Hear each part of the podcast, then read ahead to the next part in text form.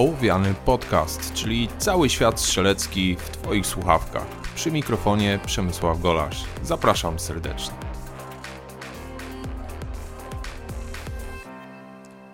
Witajcie. Modyfikacje broni to temat rzeka.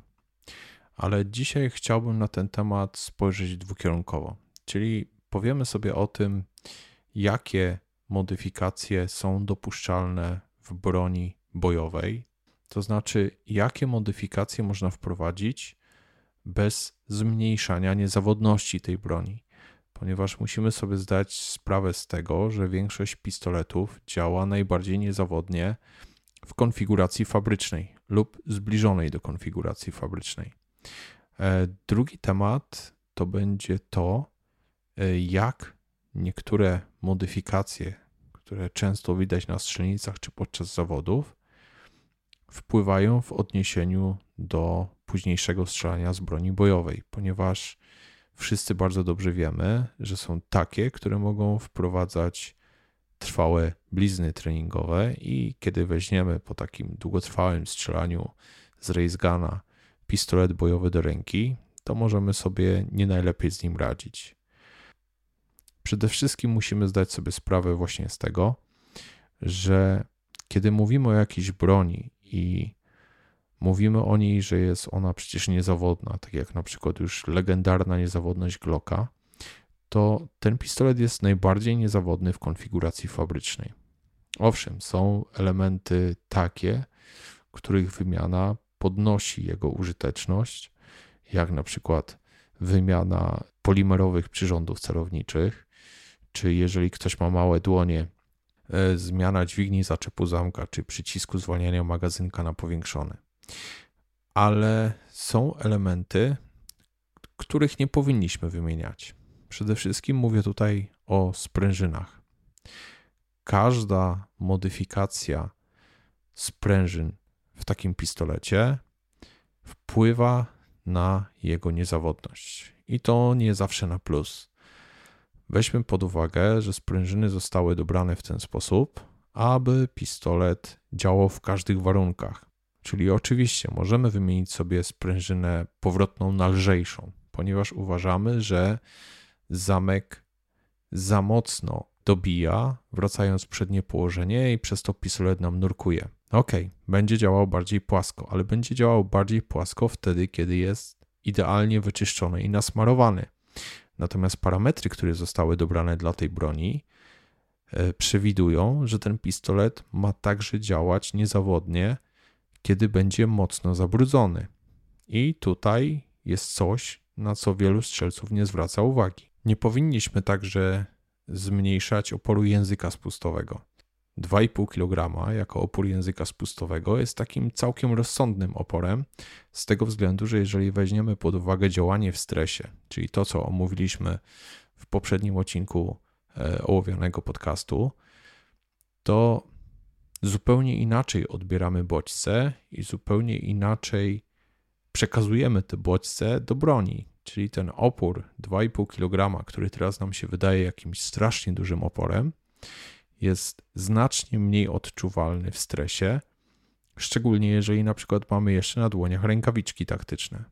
Sprężyna główna kurka czy sprężyna bijnika zostały dobrane tak, aby iglica zbijała każdą spłonkę niezależnie od jej twardości i niezależnie od tego, czy kanał igliczny jest czysty, czy zabrudzony pozostałościami prochowymi. Nie trzeba także chyba nikomu zwracać uwagi na to, że nie powinno się zmieniać i osłabiać sprężyn odpowiedzialnych za zabezpieczenia broni przed przypadkowym wystrzałem. Jedyne co możemy zmienić to tak zwany przerywacz, jeżeli chodzi o Glocka, czyli płytkę odpowiadającą za charakterystykę pracy mechanizmu spustowego. Nie wszystkie dobrze działają yy, i działają niezawodnie, ale dwa, których osobiście używam, to Ghost Edge i Ghost Angel 3.0. To są przerywacze, które działają praktycznie w każdym modelu Glocka. Czasami wymagają lekkiego dogięcia, aby działały tak jak powinny. Jeżeli weźmiemy pod uwagę inne pistolety, to znaczną częścią oporu języka spustowego jest opór TRS-a, czyli sprężyny powrotnej języka spustowego Trigger Return Spring.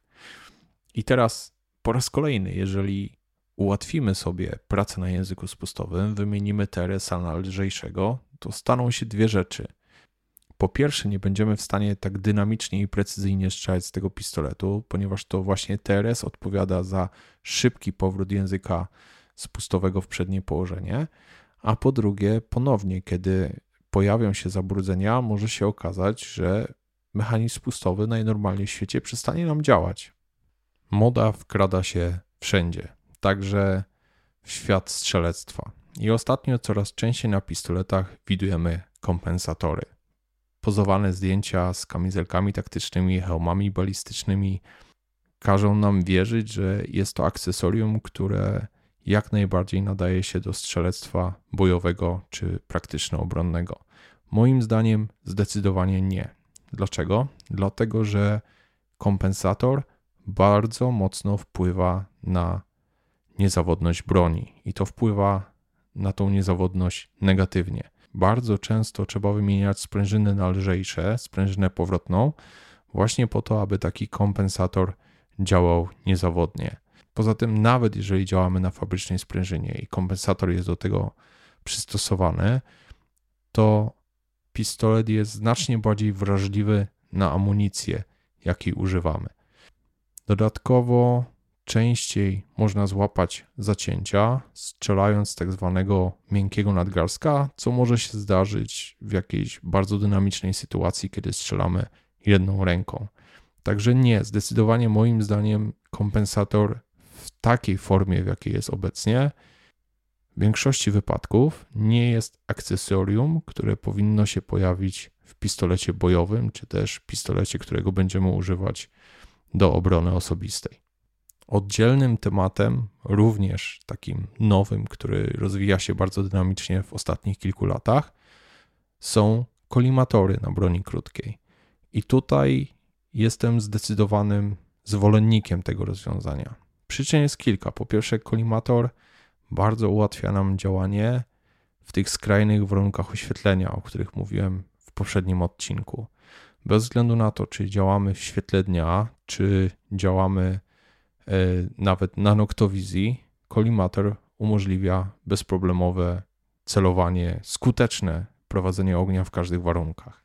Poza tym ma trzy zalety takie podstawowe, czyli jesteśmy w stanie znacznie szybciej i precyzyjnie strzelać na dużym dystansie, czyli zwiększa zasięg skutecznego działania pistoletu. To po pierwsze. Po drugie, celuje się z niego naturalnie obłocznie, czyli znika ten problem u niektórych strzelców, że e, muszą przymykać oko, aby widzieć wyraźnie przyrządy celownicze, bo inaczej nie są w stanie celować, jeżeli ta dominacja jednego bądź drugiego oka e, jest w miarę zrównana. A po trzecie, zamiast trzech planów skupienia, czyli muszki, szczerbiny i celu, możemy wzrok skupić naturalnie na naszym zagrożeniu, na celu, a kropka kolimatora naturalnie się tam pojawi, zinterpolowana przez nasz mózg. Współczesne kolimatory są naprawdę już niezawodne. Jednym z moich ulubionych modeli jest 509T od Holosuna. W tej chwili od momentu e, zamontowania go na moim Glocku 45 minął już przebieg 17 tysięcy strzałów i od początku nie było z nim najmniejszych problemów. To już nie te czasy, kiedy e, kolimatory rozpadały się po kilku tysiącach.